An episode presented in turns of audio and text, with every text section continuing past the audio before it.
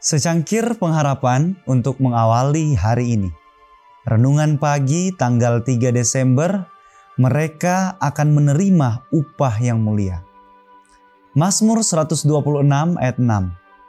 Orang yang berjalan maju dengan menangis sambil menabur benih, pasti pulang dengan sorak-sorai sambil membawa berkas-berkasnya. Panen sukacita akan dituai oleh mereka yang menabur benih kebenaran yang kudus.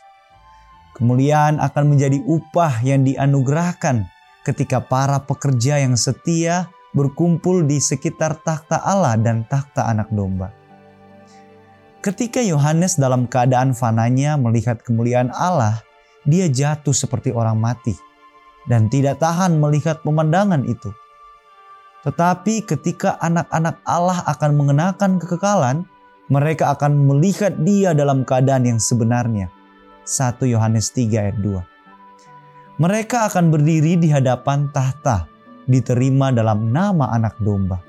Semua dosa mereka telah dihapuskan semua pelanggaran mereka ditanggung.